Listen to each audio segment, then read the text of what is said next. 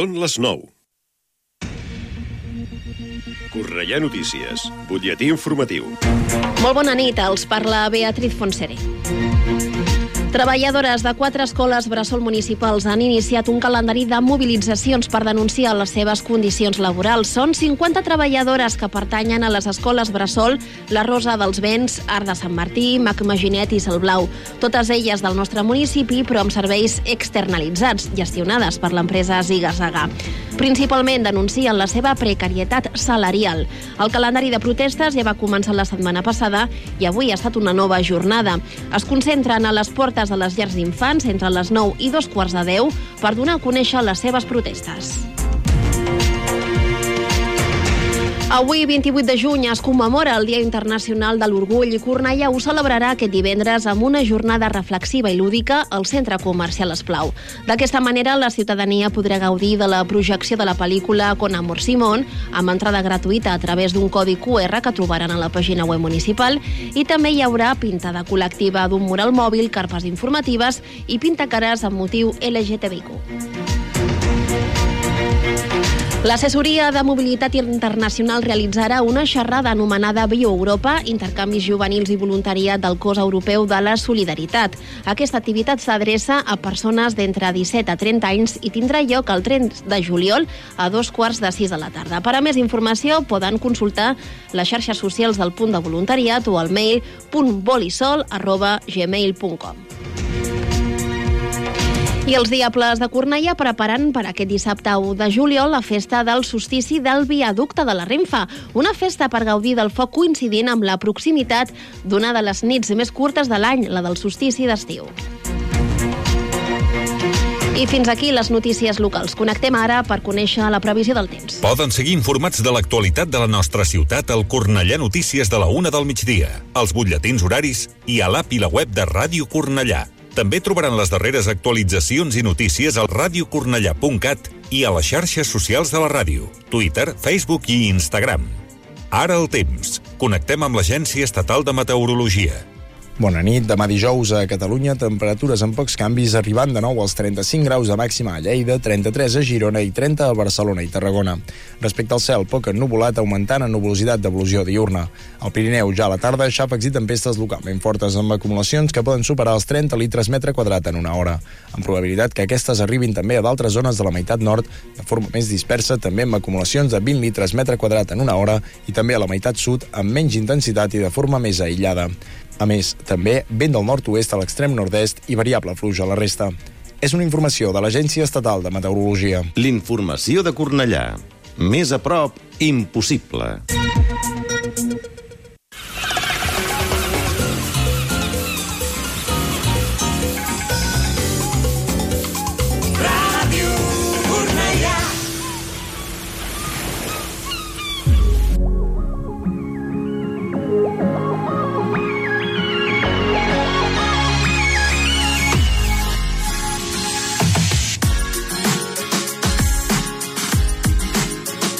Ara comença Let's Go Creu Roja, mitja lluna roja i cristal roig, amb el patrocini de Conxeroria Montserrat.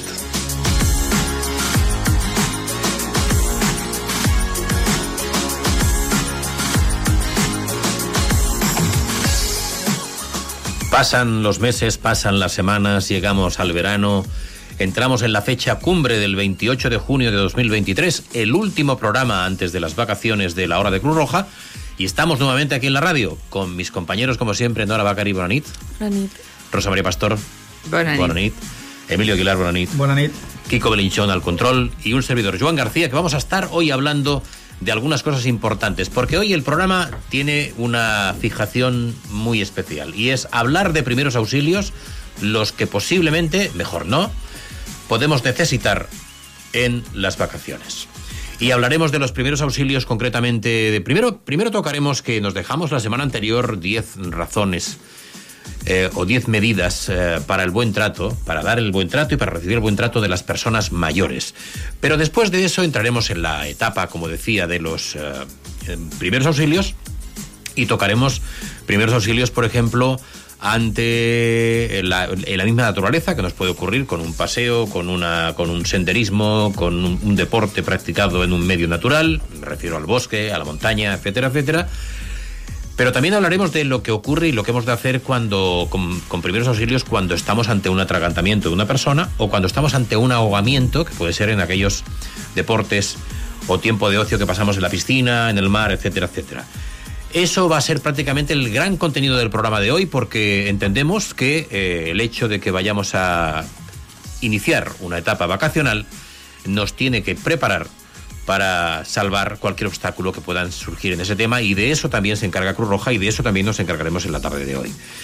Tendremos eh, nuestros momentos lúdicos con Olga George y sus eh, adivinanzas para resolver la adivinanza de la, de la semana anterior. Tendremos el, la resolución también de la semana anterior del, del, eh, Hoy viajamos. del Hoy Viajamos. Y finalmente hablaremos de un par de consejos muy sencillos sobre salud que quizá también nos vayan a ir bien durante este verano. 21 horas 5 minutos, el 104.6 de la FM, empieza la hora de Cruz Roja y vamos a hablar como siempre, no de primeros auxilios todavía, porque tenemos eh, que hablar del buen trato de la persona mayor. Decíamos decíamos que la semana anterior hicimos dos eh, secciones concretas, una era la cultura del buen trato y otra eran los principios del buen trato. Y hoy vamos a hablar de 10 motivos, 10 razones de peso para dar un buen trato y 10 razones de peso para recibir un buen trato en las personas mayores. Entonces vamos a iniciar concretamente con el dar un buen trato y creo que nuestras compañeras eh, nos van a instruir al respecto. Pues Así el- que, ¿cuáles son esos 10? Esos- Empezaremos, empezaremos Empezaremos. por el respetar por derecho y con deberes. Preserve los derechos y libertades en el ámbito público y privado, como persona adulta sin discriminación por razón de edad, de enfermedad, dependencia o discapacidad, ideología a nivel cultural o económico, creencias religiosas o lugar de residencia, desde el respeto y la protección a situaciones de especial vulnerabilidad. Derecho a estar unido a deberes, las personas mayores son protagonistas y tienen la responsabilidad de practicar el buen trato. Tratar bien no tiene que ver con la edad ni con diferencias personales, o sea, hablaríamos en todo caso de igualdad. También, por lo que representan como individuo y como colectivo, queremos hacer hincapié en la identidad. De expresión, de opinión, de pensamiento, de valores y creencias y de movimiento, hablamos de libertad. Hacer referencia a la noción de dignidad, sentirse seguros en la familia, tener atención individualizada de los profesionales, de los centros sociales y sanitarios, explorar sus preocupaciones, intereses, garantizando sus necesidades básicas y su salud, con especialistas formados en geriatría y gerontología. Y hay que negociar, pues desde la base de la comunicación, encontrando las alternativas y soluciones a las dificultades. Continuamos con cumplir con los principios bioéticos. En el desarrollo vital, en la atención y cuidados, garantizar los principios de no maleficencia, es decir, no provocar daño, respetar la integridad física y psicológica, de justicia, reparto equitativo, dar a cada uno lo suyo, evitar la segregación, la discriminación y la marginación. Autonomía, mantener la capacidad de tomar las decisiones propias y finalmente beneficencia, hacer el bien, siempre en relación con el principio de autonomía. Garantizar el bienestar y la calidad de vida. Disponer de condiciones adecuadas a las condiciones de vida en relación al hogar, a la comunidad, garantía de prestaciones, salud, integración social con la familia, amigos y entorno. El estado de salud, la seguridad, la educación, el control personal y la posibilidad de elección. Informar, comunicar, valorar, escuche, pregunte, dé sentido y valor a lo que le transmite la persona mayor, emociones y preocupaciones. Confirme que la persona mayor ha comprendido la conversación y la información que le ha dado. Preservar la identidad y dignidad personales. Respete su opinión, costumbres, hábitos siempre que sean saludables. Ofrézcale ayuda, alternativas, pero permita que decida por sí mismo. Preserve su identidad personal y garantice el apoyo a la dignidad en la relación y atención a las personas mayores. Adaptar y reforzar. Utilice la empatía. Tenga en cuenta la situación de salud en su más amplio sentido en las áreas clínica, funcional, mental, emocional, sensorial, social, familiar y espiritual. Ofrezca medios que compensen los déficits, busque recursos adecuados, valore los logros, motívele para realizar las actividades por sí mismo. Formar, animar, aprender. El buen trato a las personas mayores hace imprescindible la formación en el proceso de envejecer, en la promoción del envejecimiento activo y saludable, en la prevención de la dependencia, en el abordaje y tratamiento de síndromes geriátricos, en el saber valorar sus enfermedades y sus necesidades y explorar sus preocupaciones, sus miedos. Proporcionar acompañamiento y presencia. Evite situaciones de aislamiento. Regale tiempo para disfrutar y compartir momentos. Hágase presente, aportará seguridad y mantendrá a la persona mayor en contacto con la realidad. Diez. Diez son razones para dar un buen trato, las hemos repasado y vamos ahora a las diez razones para recibir un buen trato. Usted y ahora nos dirigimos a las personas mayores, usted es importante. Y lo que tiene que hacer es hacer que los demás lo sepan. Han de tener en cuenta que la persona mayor, en teoría, y ahora pasando a la parte práctica del tema, la persona mayor no deja de ser una autoridad y hay que reconocérsela como tal. Evidentemente hay que saber eh, cuáles son sus limitaciones, pero hay que reconocerle el valor social, hay que reconocerle un valor moral y la dignidad que tiene, mantener el interés por lo que le rodea y sentirse, hacerle sentirse activo por lo que ha sido y lo que es, protagonista de la experiencia, valores, principios que benefician a la familia y a nuestra sociedad y sea usted, la persona mayor, quien tiene también que ofrecer un buen trato a los más jóvenes. Usted elige y usted decide. No permita que los otros decidan por usted. Pida opinión, infórmese, exprese de sus necesidades e intereses, tome sus propias decisiones, participe en el plan de cuidados y tratamientos, realice el testamento vital, voluntades o anticipadas, como garantía de respeto a su decisión individual.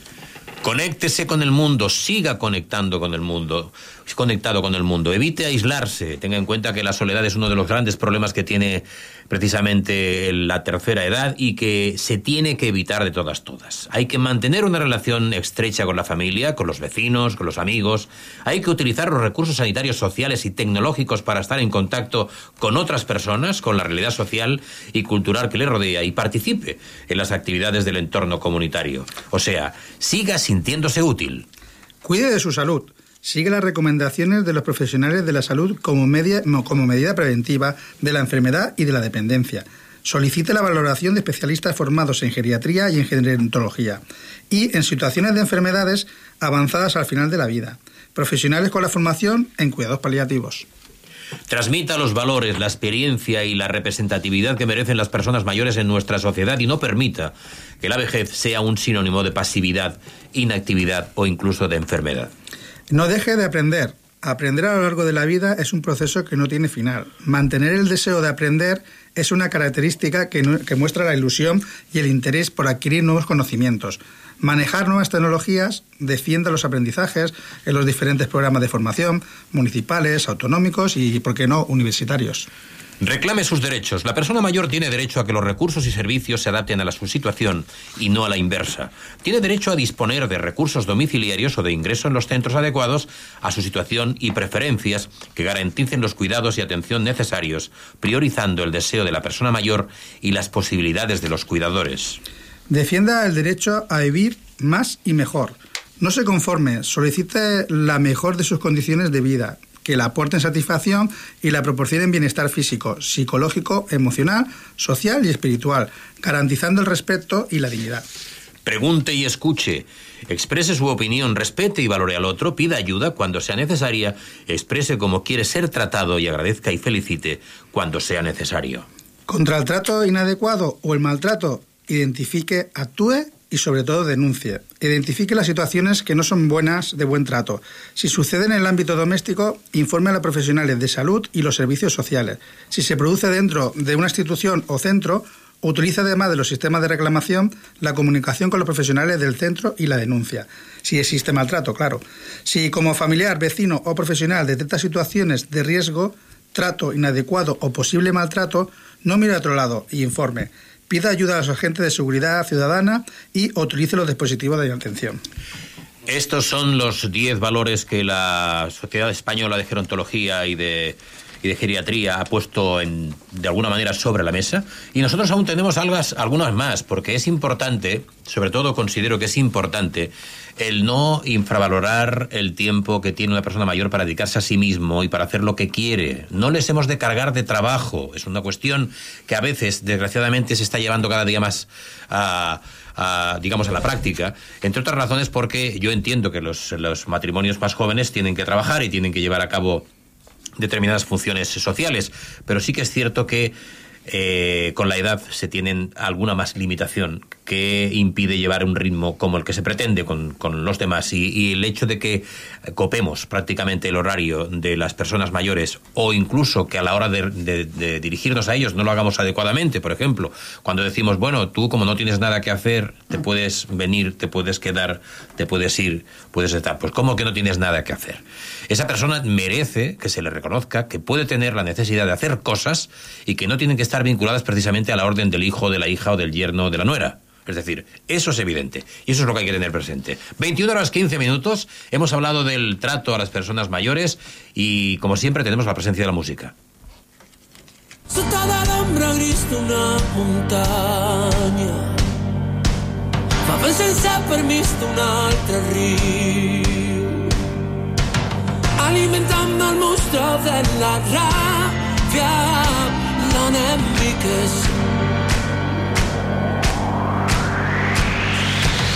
qui ve la teva terra profanar-te pitja la ciutat sense permís. Qui traurà del carrer les teves coses? L'enemic és si aquests idiotes sabessin que jo sóc l'home més ric de la terra així dins les teves abraçades oblidaven que l'home no és més que un home i les teves mans de bandera. Que tinc com frontera una cançó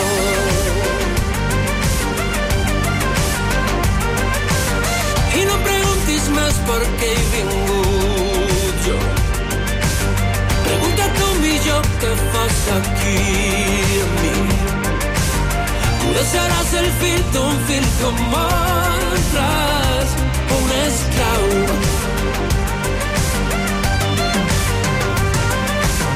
i parlar-li de front a l'enemic i parlar-li de front a l'enemic culpa-la de l'amor treball i terra treball i terra culpable del camí que tu segueixes dins la guerra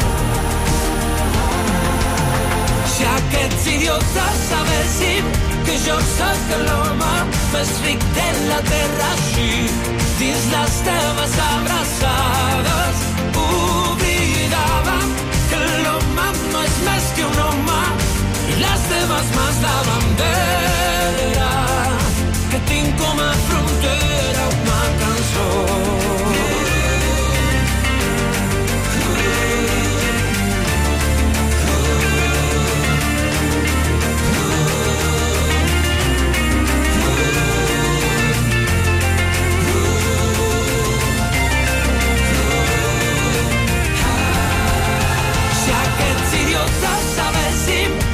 que jo sóc l'home més ric de la terra així dins les teves abraçades oblidàvem que l'home no és més que un home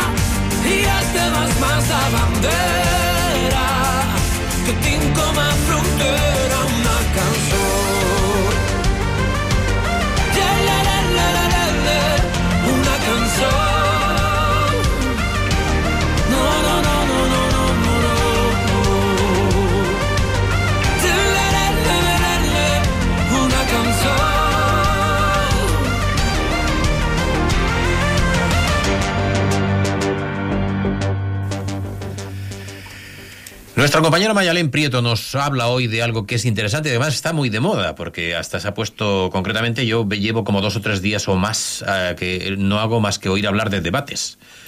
Y lo que va a hablar Mayalén Prieto concretamente es que el debate es una fórmula de comunicación sobre posiciones encontradas y que requiere su atención. Así nos ilustra nuestra compañera. Hoy un tema de especial relevancia. Que quede claro que debatir es sano.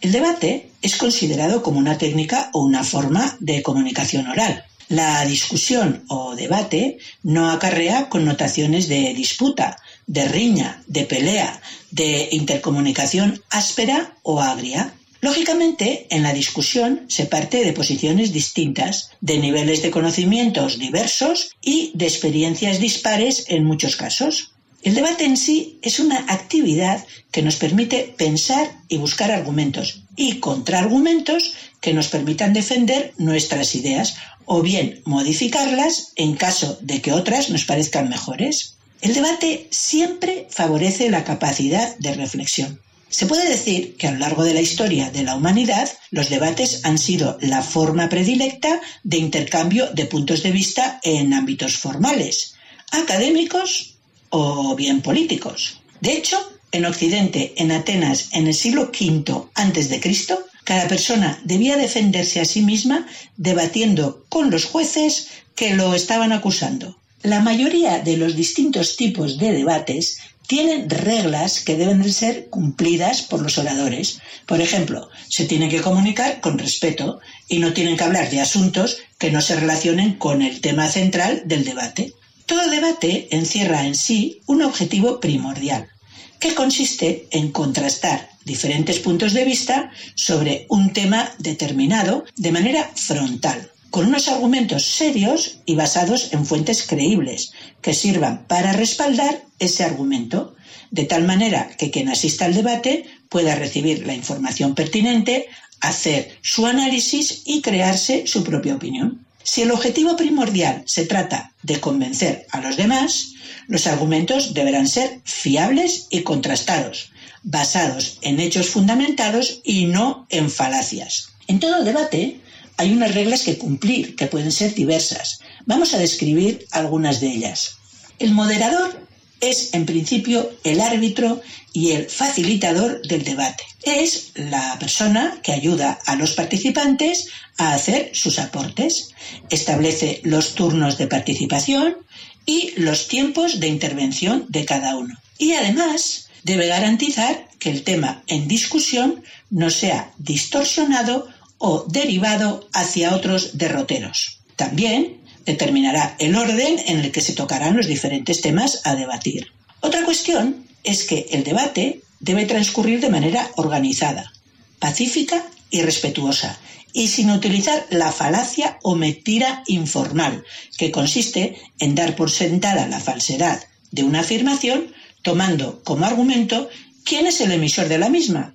Es decir, se trata de atacar a la persona en lugar de atacar su argumento. Es lo que se llama en latín argumento ad hominem, es decir, argumento contra el hombre, y se utiliza mucho en determinados debates. Por poner un ejemplo, Nietzsche está equivocado porque se volvió loco, ataca la situación en la que ha derivado una persona, pero no argumenta por qué está equivocado. Nietzsche era una gran figura en la filosofía contemporánea y recibió gran reconocimiento en la segunda mitad del siglo XX. El que luego se volviera loco es otra cuestión.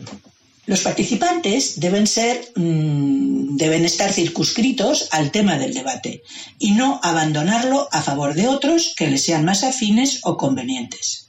También debe evitarse interrumpir al otro, aunque se puede contar con derecho a la réplica.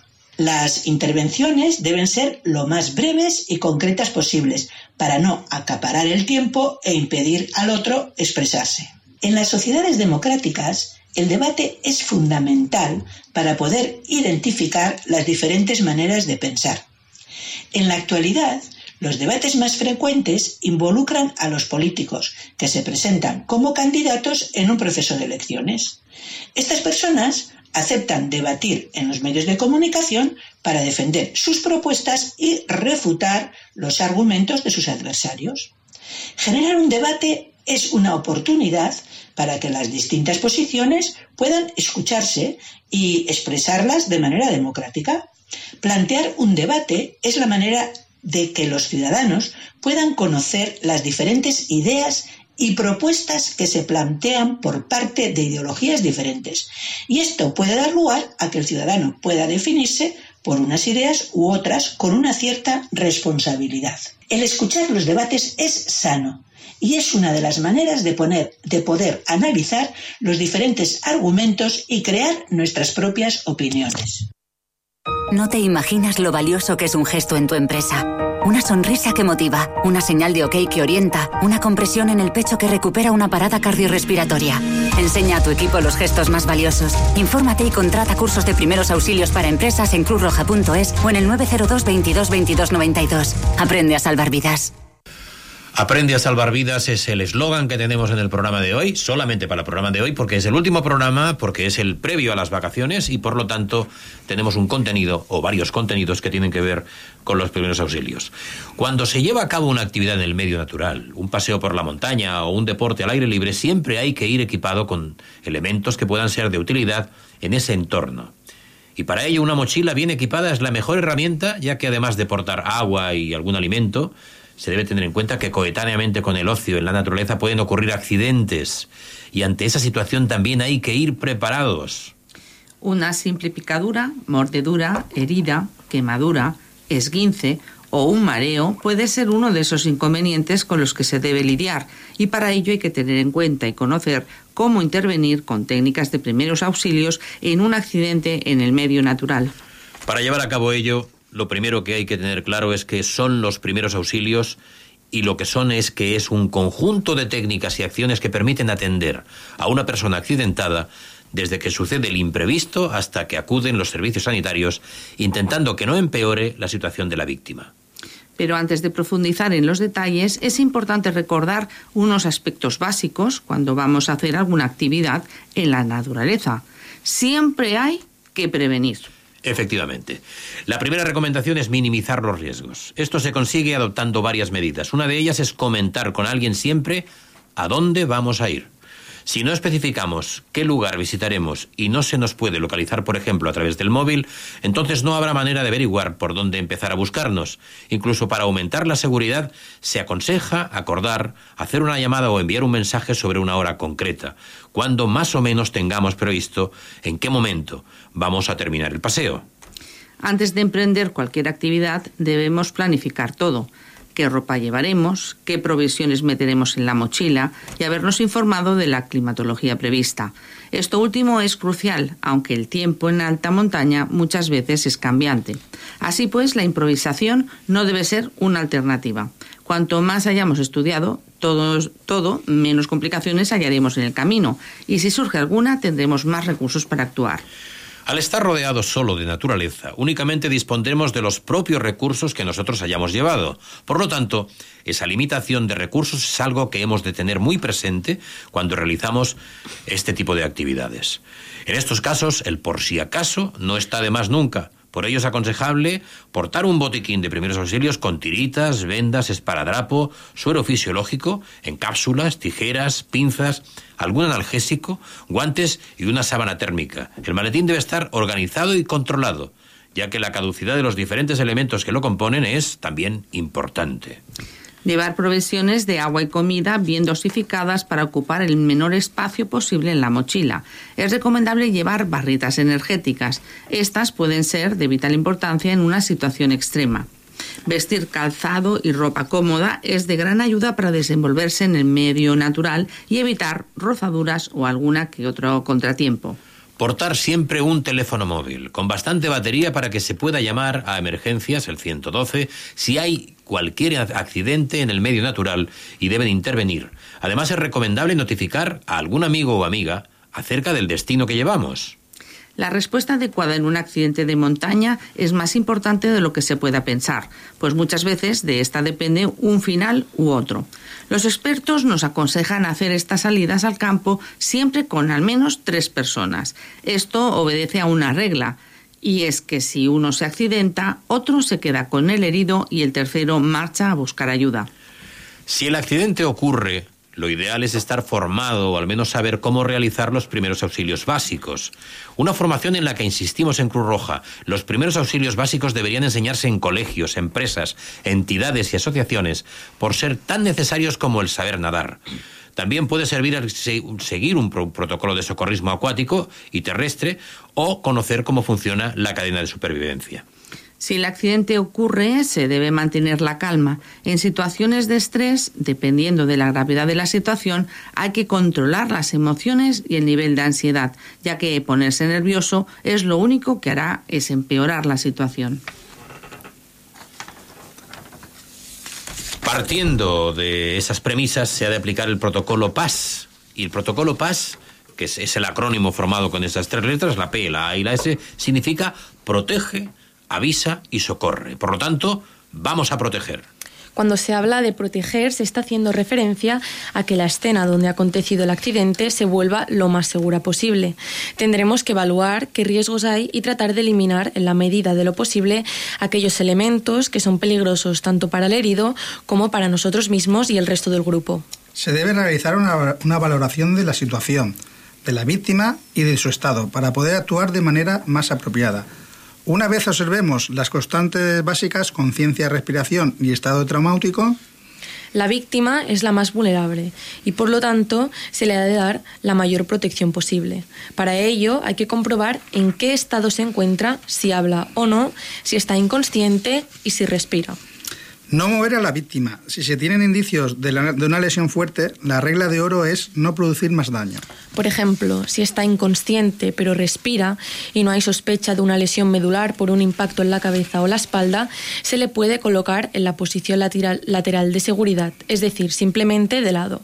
Con esta postura se mantienen las vías respiratorias abiertas y en el caso de que tenga necesidad de vomitar, lo hará sin peligro. Si la persona accidentada presenta heridas o hemorragias, hay que intentar taponarlas para controlar la pérdida de sangre. No se debe administrar fármacos, estimulantes, ni alcohol, ni alimentos. Nunca hay que dejar a una persona sola en un accidente. Esta acción se llama omisión de socorro y está penada por la ley. Es obligatorio atenderla y ayudarla para evitar que vaya a peor su situación hasta que venga la asistencia médica. Si hace frío, debemos evitar que el accidentado entre en hipotermia y se, le, tapará bien con mantas o ropa de abrigo que tengamos a mano. En el caso de que esté consciente y nos escuche, le intentaremos tranquilizar y calmar. Háblale y explícale qué está haciendo en cada momento y insiste en avisar. Después viene la fase del aviso, la cual dependerá de distintas variables. Si tenemos móvil y hay cobertura, llamaremos al 112. Se ha de procurar mantener la calma, pues nos harán varias preguntas, siendo la más importante la de las coordenadas de la ubicación en la que nos encontremos. Esto se puede mirar en el móvil a través de alguna aplicación o del propio Google Maps. La cosa se puede complicar si carece de cobertura, en cuyo caso habrá que ir a buscarla. Para ello dejaremos sola a la persona que ha sufrido el accidente, pero antes comprobaremos que lo hacemos en las mejores condiciones posibles. En el caso de no disponer de móvil, habrá que buscar un punto de socorro, un refugio o a otros senderistas. Todo esto deberemos ejecutarlo con la mayor calma posible y controlando siempre donde hemos dejado al accidentado. Y acto seguido hay que socorrer. El último aspecto que contempla este protocolo es socorrer. Aquí se hace referencia a la posibilidad de ayudar a la víctima en función de nuestros conocimientos de primeros auxilios. Si estos son nulos o muy básicos, es mejor dejarla tal y como se encuentre y no moverla. Si sabemos aplicar las maniobras de reanimación cardiopulmonar o RCP y son necesarias, las usaremos lo más rápido posible. En el caso de tener un botiquín, podrá sernos útil si hay heridos. Después, solo quedará esperar y ser paciente. Si has podido avisar por el móvil, la ayuda llegará tarde o temprano, por lo que has de procurar no ponerte nervioso, tanto por el bien de la persona que ha sufrido el accidente como por el tuyo propio.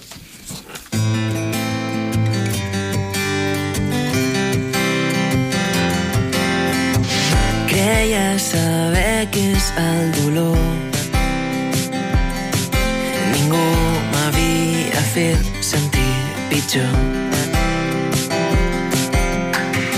Amb les paraules pots fer mal. Però he decidit que no vull fer-te cas. Ara pot semblar que tot s'enfonsa. I t'asseguro que jo me'n sortiré. Quan la nit sembla que és més fosca respiro. Em veus lluitant aquesta guerra. Sempre amb els peus a terra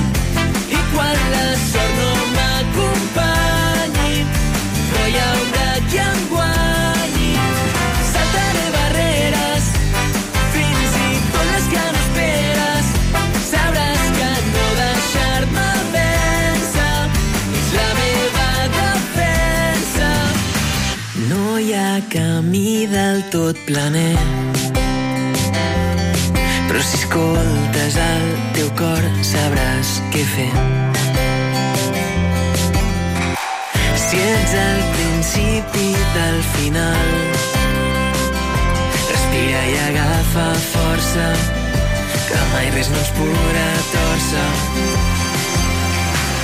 Ara pot semblar que tot s'enfonsa i t'asseguro que jo me'n sortiré quan la nit sembla que és més fosca i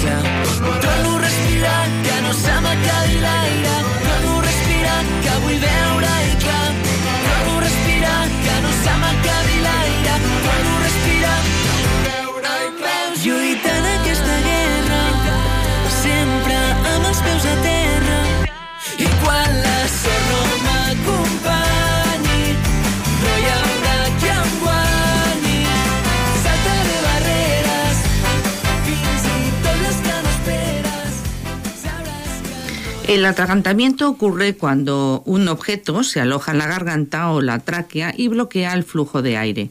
En los adultos, un trozo de comida suele ser el culpable. Los niños pequeños a menudo se atragantan con objetos pequeños. El atragantamiento pone en riesgo la vida, corta la oxigenación del cerebro. Brinda primeros auxilios lo más rápido posible si tú u otra persona se están atragantando. Presta atención a los siguientes signos, ya que ponen de manifiesto que estamos ante un atragantamiento si la persona, por ejemplo, una o ambas manos las tiene apretadas a la garganta, si tiene expresión de pánico, conmoción o confusión, si tiene incapacidad de hablar, respiración forzada o ruidosa, sonidos chirriantes al intentar respirar, tiene tos, que puede ser débil o fuerte, piel, labios y uñas que cambian de color y se ponen azules o grises, y tiene pérdida de conocimiento. Si una persona que se está atragantando puede toser con fuerza, déjala que siga tosiendo. Toser puede expulsar de forma natural el objeto atascado. Si la persona no puede toser, hablar, llorar ni reír con fuerza, brinda primeros auxilios. La Cruz Roja Americana recomienda los siguientes pasos. Da cinco golpes en la espalda, ponte de pie al costado y justo detrás del adulto que se está atragantando.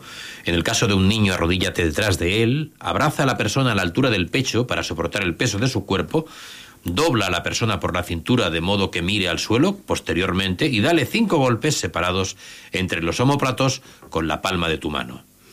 Da cinco compresiones abdominales. Si los golpes en la espalda no expulsan el objeto atascado, a cinco compresiones abdominales, también conocidas como la maniobra de Heimlich. Alterna entre cinco golpes y cinco compresiones hasta que se desaloje la obstrucción. Algunas fuentes solo enseñan la compresión abdominal. Si no has aprendido la técnica de dar golpes en la espalda, no lo hagas. Ambos métodos son aceptables para adultos y para niños mayores de un año. ¿Cómo dar comprensiones abdominales a otra persona? Pues bien, en primer lugar, ponte de pie detrás de la persona. En el caso de un niño, arrodíllate detrás. Coloca un pie ligeramente delante del otro para mantener el equilibrio. Envuelve tus brazos alrededor de su cintura e inclina a la persona ligeramente hacia adelante. Haz un puño con la mano, coloca ligeramente por encima del ombligo de la persona. Agarra el puño contra la otra mano y presiona el estómago, también llamado abdomen. Con un empujón rápido hacia arriba, como si intentaras levantar la persona si se trata de un niño. Aplica presión leve pero firme para evitar dañar los órganos internos. Da cinco compresiones abdominales. Verifica si se eliminó la obstrucción. Repite este procedimiento la cantidad de veces que necesites. Si eres la única persona que hace el rescate, primero da los golpes en la espalda y haz las, compres- las compresiones abdominales. Luego llama al 112 para pedir ayuda. Si hay otra persona, pídele que busque ayuda mientras brindas primeros auxilios. Si la persona que se atraganta pierde el conocimiento, comienza a hacer una reanimación cardiopulmonar estándar con compresiones torácicas y respiraciones de rescate. Si la persona está embarazada o si no, puede puedes abrazarla a la altura del estómago, da compresiones torácicas. Coloca tus manos en la base del esternón, justo por encima de la unión de las costillas inferiores. Presiona con fuerza en el pecho, con un empujón rápido. Esta es la misma acción que se hace en la maniobra de Henley. Repite el procedimiento hasta eliminar la obstrucción de las vías respiratorias. Para despejar las vías respiratorias de una persona inconsciente, recuesta a la persona en el suelo, con la espalda apoyada en el suelo y los brazos al costado del cuerpo. Libera las vías respiratorias. Si puedes ver el objeto, mete un dedo en la boca para sacarlo. Si no puedes verlo, nunca intentes sacarlo con el dedo, ya que corres el riesgo de empujar la obstrucción a mayor profundidad dentro de las vías respiratorias. Esto es muy arriesgado en los niños pequeños. Comienza con la reanimación cardiopulmonar si la persona aún no responde. Si las vías respiratorias siguen obstruidas, aplica las comprensiones torácicas como las que se usan en la reanimación cardiopulmonar para el objeto atascado. Usa solo dos respiraciones de rescate por ciclo. Vuelve a revisar la boca regularmente en busca del objeto. Para despejar las vías respiratorias de un bebé menor de un año que se atraganta, siéntate y sostén al bebé boca abajo en tu antebrazo. Apoya el antebrazo sobre el muslo. Toma al bebé del mentón y la mandíbula para sostenerle la cabeza. Coloca la cabeza más abajo que el tronco.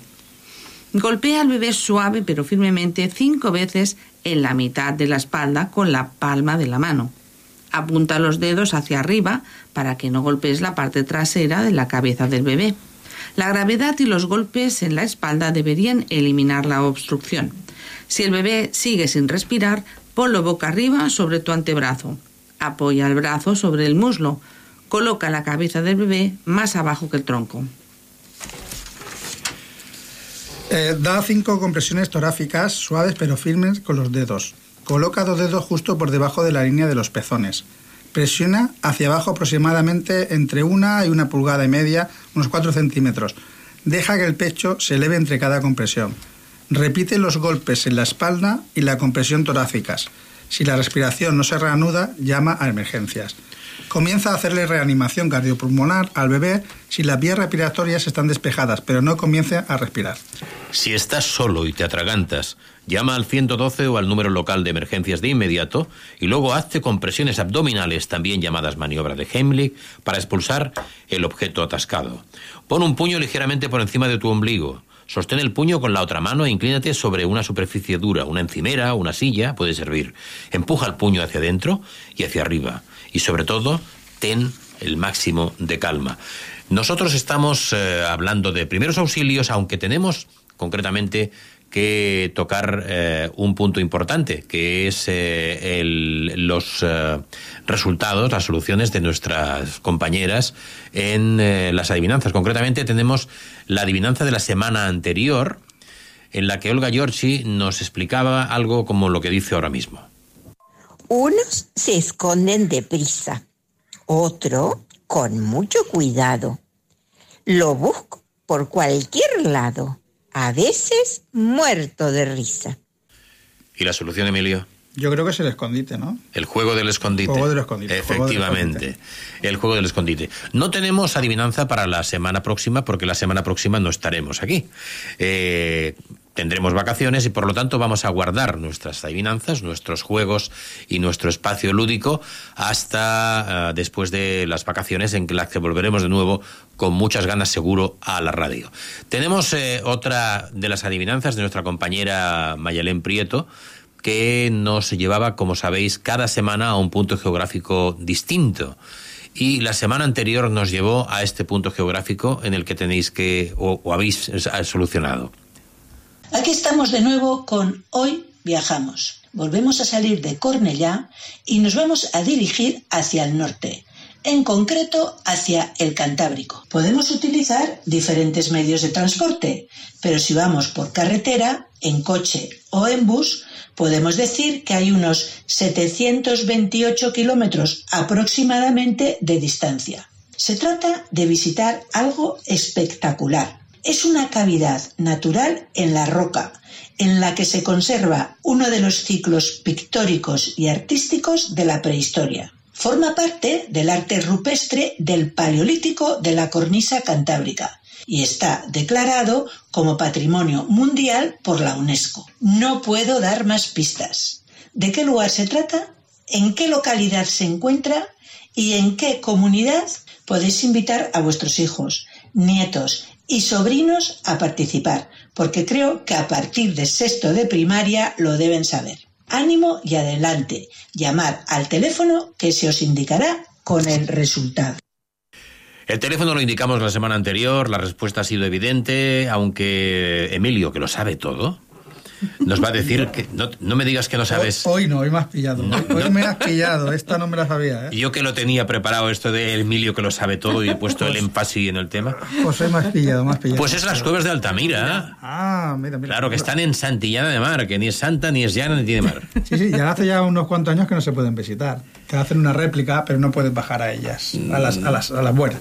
Bueno, es el problema que tiene precisamente la la cultura y la visita turística de la cultura que Las tanto los museos como tal se digamos que se van degradando y eso significa perder eh, perder grandes valores. Bueno, pues efectivamente era Altamira, nosotros dejamos eh, también nuestro hoy viajamos porque durante el verano vamos a viajar mucho. Vamos a dejar el hoy viajamos para en nuestra vuelta y tenemos, eh, como sabéis, hoy estamos eh, todavía con el tema de primeros auxilios, algo que nos eh, apetecía porque es una fórmula de prevenir, una fórmula de conocer y una fórmula de, de brindar conocimiento a las personas. Nos queda hablar de qué hemos de hacer cuando estamos en un episodio de ahogamiento, el típico en una piscina, en un río, en un mar, etcétera, etcétera. Y rescata a la persona del agua sin exponerle al peligro es la primera de las eh, cuestiones importantes. Hay que sacarlo del agua porque aquella persona, por la razón que sea, ha perdido el conocimiento o está a punto de perderlo y por lo tanto hay que sacarle de ese medio acuático. Si estás muy lejos de ella, procura acercarte lo más rápidamente que puedas llevando un elemento para protegerte como un salvavidas o una cuerda unida a un objeto flotante. Mantén sobre todo la calma. Pide ayuda a otras personas y que o tú o otras personas llamen a bomberos, socorristas o emergencias. La posición del ahogado es básica. Al sacar a la víctima del agua, procura que su cabeza, cuello y columna estén alineados. Acto seguido, recuesta la boca arriba. Comprueba si la víctima respira. Para ello, verifica si su pecho se infla o no. También puedes sentir su respiración acercando tu mejilla a su boca. Si la persona respira normalmente, colócala en posición lateral por seguridad para que no se asfixie si empieza a vomitar o si empieza a sacar agua de la que ha tragado. Si la víctima no respira y no tiene pulso, haz reanimación cardiopulmonar, una RCP, básica hasta que llegue la ayuda médica. Es importante proporcionar que las vías respiratorias se expulsen el agua que ha ingerido. Para esto no debes colocar ambas manos a la altura del esternón, parte delantera del tórax, y presionar en repetidas ocasiones, dos, dos presiones por milisegundo. Respiración boca a boca. Debes recostar a la persona boca arriba, con la cabeza inclinada hacia atrás y el mentón levantado. Luego aprieta su nariz y expira aire dentro de su boca hasta que su pecho se infle. La idea es realizar esta acción luego de cada 20 presiones de RCP. Si tose indica que aún está consciente, lo mejor que puedes hacer es acostar a la víctima de lado con el rostro hacia abajo. Esto ayudará a que expulse el líquido que tiene en sus vías respiratorias. Finalmente, en el caso de que la víctima no reaccione, realiza dos ciclos de masaje cardíaco y respiración boca a boca durante un minuto y pide auxilio, pero continúa realizando estas técnicas de primeros auxilios hasta la llegada de los profesionales de salvamento. Efectivamente, la llegada de los profesionales de salvamento es la que va a darle el punto final a esa atención de primeros auxilios que has iniciado tú porque habías obtenido un conocimiento a través de estar escuchando la radio en 104.6 de la FM un día normal, 28 de junio, hora de calor, con ganas de coger vacaciones y sabiendo lo que hay que hacer en primeros auxilios. 21 horas 49 minutos y vamos con la música. Et el cor i mai més serem dos mons a part. A les revistes potser sí, però em seguiràs guiant. Perquè a l'obscuritat no veus mai res brillar i em pots necessitar. Saps que amb mi pots comptar. Perquè quan brilla el sol brillem nosaltres. Vaig dir que hi seria sempre, que seríem sempre amics. Vaig prometre que em tindries fins al fi. I ara sota la tempesta sé que ens tenim l'un a l'altre i que estàs sota el meu paraigua i que estàs sota el meu paraigua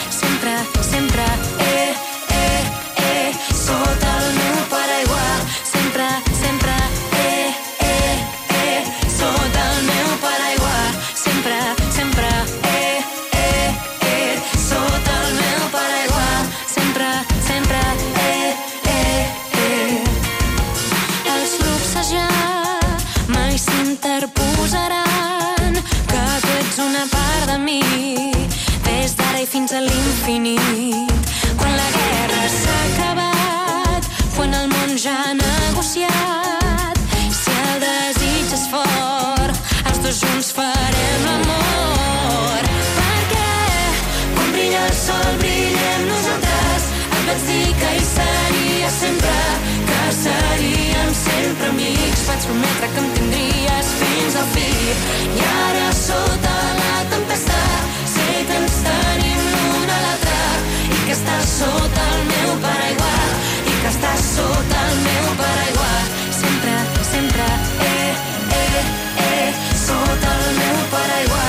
Sempre, sempre, eh, eh, eh sota el meu paraigua.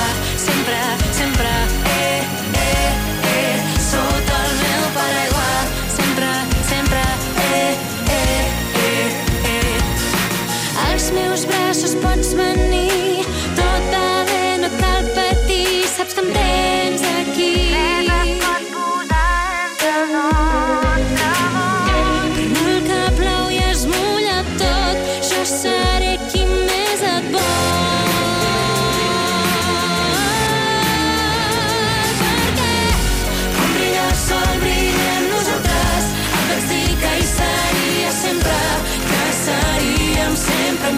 that's for me.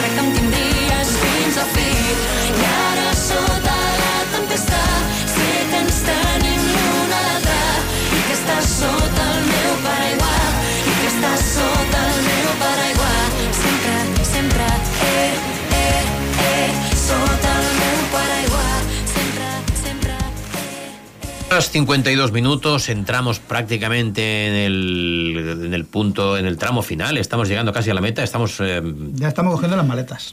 ya estamos cogiendo las maletas. Eh, No se nos olviden los billetes, ¿no? Como decía el otro. Ahí está. Ahí. Beneficios de beber agua con limón. Yo creo que mis compañeros tienen muchas cosas que decirnos al respecto. Así que yo creo que... mm, adelante. Exacto, el- el- es una combinación muy positiva debido a sus propiedades antioxidantes y antiinflamatorias. El limón es una fruta compuesta principalmente por agua, aunque destaca por su alto contenido en vitamina C y B6 y por, y por contener minerales como el calcio, el hierro, el magnesio y el potasio. Además, es una gran fuente de fibra y es un alimento bajo en calorías, por lo que es, un es maravilloso a la hora de perder peso. Sin embargo, lo habitual es consumirlo en cantidades muy bajas, por lo que aporte nutricional es imprescindible.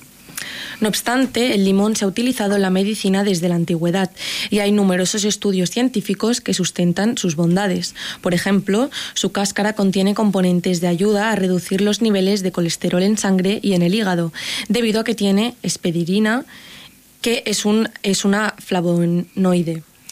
Esta fruta es un reconocido antiséptico natural que ayuda a desinfectar las heridas de la piel y el arnés y aliviar los dolores de garganta.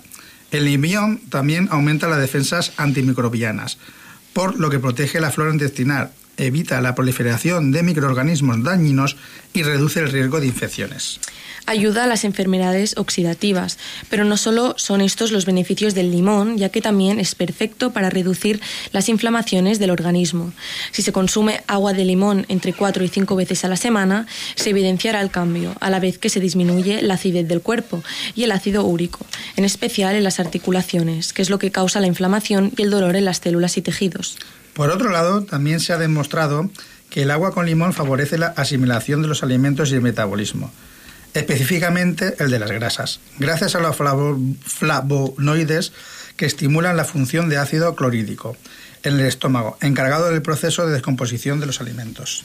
De hecho, los flavonoides que contiene el zumo de limón son antioxidantes, algo muy interesante para enfermedades con, eh, con origen oxidativo como las isquemias, retino- retinopatias, el envejecimiento celular, la diabetes tipo 2 e incluso algunos tipos de cáncer. Al ser eh, inhibidores de la neuroinflamación, los flavonoides se, aso- se asocian también a la mejora del desarrollo cognitivo y la memoria, así como a la prevención del Alzheimer y el Parkinson. ¿Cómo preparar un agua de tos de limón? Calienta un vaso de agua mineral y luego deja que se enfríe hasta que el líquido esté tibio. Una vez tengas el agua tibia preparada, corta un limón por la mitad y exprime en, él en el líquido de sus partes. Es preferible que el limón se encuentre un poco maduro, ya que así podrás exprimir mucho más jugo. Renueva la mezcla para que se mueva bien el jugo, se diluya bien en el agua y ya esté listo para tomar. Otra opción ideal para verano y el calor es hacer un preparado de agua y zumo de limón en una garra de agua fría con hielo. Puedes ponerle hojas frescas de menta para darle un sabor más a esa mezcla. ¿Cuándo tomar agua de limón para adelgazar? En caso de que hayas escogido la primera receta, tendrás que tomar un vaso de agua con limón en ayunas, unos 30 minutos antes del desayuno. Es importante que además de utilizar agua tibia, también tomes el preparado en cuanto hayas exprimido el limón, sin esperar. Si la opción fría es tu favorita, podrás ir tomando vasos de agua con limón durante todo el día. Sin embargo, para favorecer la pérdida de peso, es recomendable tomar tres vasos de este preparado a diario, un vaso antes de cada comida principal. Ahora veremos las contraindicaciones del agua con limón.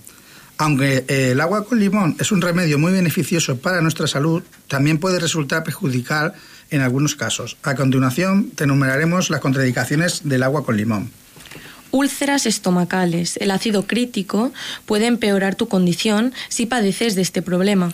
La gastritis. Los síntomas de la gastritis pueden agravarse con este remedio, así que evita consumirlo si es tu caso. Sensibilidad dental.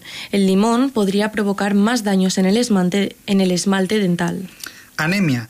También debe evitarse esta mezcla natural en el caso de que tengas carencia de otros minerales como el calcio. Enfermedades reumáticas. También está contraindicado si padeces osteoporosis u otras enfermedades artríticas. Eh, inflamación de la próstata. Los síntomas de estas condiciones pueden empeorar con, algún- con el agua con limón. Así que no lo consumas si padece de problemas de próstata.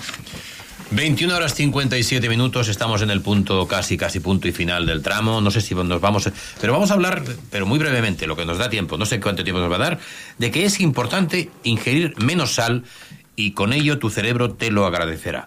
Sabemos que el exceso de sal provoca hipertensión, pero existen otros peligros asociados al salero que afectan a nuestra función cognitiva. El principal tiene que ver con la memoria. Según un estudio estadounidense, la sal promueve una disfunción neurovascular y cognitiva. Y para no olvidarse de nada es necesario ponerle freno a la sal. Además, también tendremos más memoria, según el mismo estudio, si hacemos ejercicio de forma regular y no abusamos de otros alimentos como el atún y el tofu. Y por otra parte, el exceso de sal afecta también al hipotálamo, responsable de funciones tan básicas como comer, beber, regular la temperatura corporal o la reproducción. El abuso de la sal repercute en una menor oxigenación del hipotálamo. Así que es un beneficio rebajar la cantidad de sal. Los científicos investigan para detener la hiperactivación de la vasopresina, pero mientras consiguen resultados, lo mejor que podemos hacer es reducir la cantidad de sal. No solo se trata de añadir menos a nuestros platos, sino también de evitar alimentos salados como embutidos, salsas, comidas preparadas y ultraprocesados. La pregunta que cabe es ¿por qué nos gusta tanto la sal? Apartarse del salero no es fácil y no es porque nos guste la sal, sino porque no nos gustan algunos sabores. La sal los disimula y de tanto emplearla se hace imprescindible. Cuanto más fino se tenga el paladar, más sal se consume para enmascarar sabores desagradables, según un estudio de la Universidad de Pensilvania. Es importante saber que un 60% de casos de hipertensión se deben a un consumo elevado de sal en la dieta. Como consejo, para comer con menos sal sin perder sabor, podemos reemplazar parte de la sal de tus platos por hierbas aromáticas, especias, limón, ajo, jengibre. Llegamos al punto y final. Gracias por haber estado aquí. Llegamos al punto y final del programa de la hora de Cruz Roja. Nos vemos a la vuelta de vacaciones. Que tengáis todos un- muy buenas vacaciones. Muy buenas vacaciones. Y que disfrutéis. Gracias y hasta dentro de unos meses. Hasta dentro, ahí está, ahí está, ahí está, ahí está, ahí está.